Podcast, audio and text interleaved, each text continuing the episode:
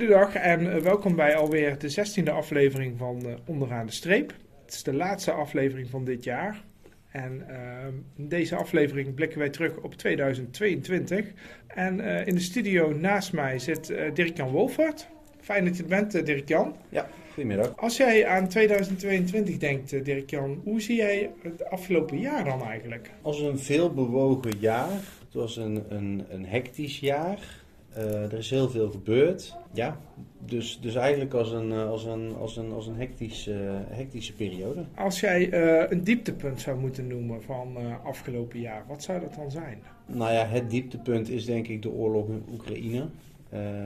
allereerst natuurlijk voor de, voor de mensen die daar wonen en daarbij betrokken zijn, is, is het heel, heel naar. Maar goed, dat heeft er uiteindelijk ook voor gezorgd dat uh, aan deze kant van uh, Europa er een hoop is gebeurd. Hè, waardoor de energieprijzen zijn opgelopen. waardoor de producten en de diensten allemaal duurder zijn geworden. we hebben flinke inflatie voor de kiezer gekregen. Um, ja, en dat komt eigenlijk voor, voor een groot gedeelte toch wel voort uit de oorlog in Oekraïne. Dus dat is wat mij betreft wel het absolute dieptepunt dit jaar. En um, ja, tegenover elk dieptepunt staat ook hopelijk een hoogtepunt. Wat, wat, wat ging er wel goed dit jaar? Um, nou ja, dan kijk ik vooral naar de Vaste Lastenbond. Wat we het afgelopen jaar hebben gedaan en wat we hebben bereikt. En dan hebben we wel een aantal hele mooie mijlpalen uh, uh, bereikt. Uh, allereerst het begin van het jaar hebben we de vaste lastenbundel uh, gelanceerd. Waarbij we al onze diensten uh, in een abonnement hebben gegoten. En dit hebben aangeboden geboden aan onze klanten. Um, daarnaast, um, even kijken, voordat de oorlog begon in Oekraïne, die week daarvoor, toen waren die twee volksrepublieken die de onafhankelijkheid uh, uitriepen.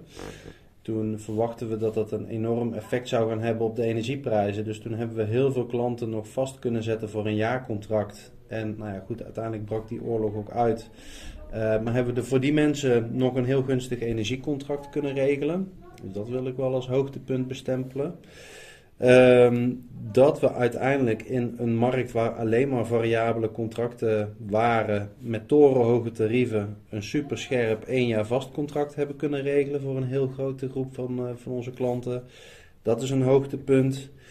Um, ja, een recente lancering van de app, waarbij je inzicht hebt in alle producten en diensten die je via de vaste lastenbond uh, afneemt. Um, dat, is, dat is een hoogtepunt.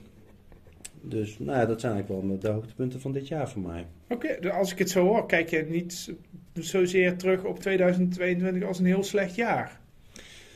Uh, nee, het is wel een, een, veel bewogen jaar wat ik zeg. Het is een hectisch jaar. Maar uh, ja, we, we hebben ons flexibel moeten opstellen. En we hebben flink wat creativiteit moeten gebruiken. Maar op die manier hebben we toch um, ja, onze klanten uh, goed kunnen helpen. En um, ja, het, is, uh, het hoort er uiteraard bij terugblikken en vooruitblikken. Wat verwacht je van 2023? Nou ja, de, de, de energiemarkt uh, die zal niet zomaar gaan veranderen. Uh, in die zin dat ik verwacht dat de prijzen nog hoog blijven. Um, voor, voor veel uh, huishoudens geldt dat zij uh, onder het prijsplafond uh, blijven met hun verbruik. Dus dat de kosten worden gedempt. Dus dat is in 2023 nog, nog heel positief. Um, aan de andere kant denk ik dat ehm, ja, duurzaamheid blijft natuurlijk belangrijk. Um, de drang wordt wat minder omdat we het prijsplafond hebben, maar het blijft heel belangrijk om toch aan verduurzaming van je woning te werken. Want in 2024 is er geen prijsplafond of een afgezwakte variant, maar dan gaat de overheid er niet nog een keer een, een hele smak geld tegenaan gooien. Um, ja, en ja, wat betreft de energiemarkt verwacht ik wel weer dat de concurrentie terugkomt. Dat er meer aanbod komt omdat uh, de opzegvergoeding wordt verhoogd. Nu kun je een jaarcontract uh, tussentijds opzeggen en betaal je 100 euro boete. Maar dat staat niet in verhouding tot het risico wat een energieleverancier uh, loopt. Dus nou, dat merk je nu. Nu is er niet of nauwelijks aanbod van, van eenjarige contracten.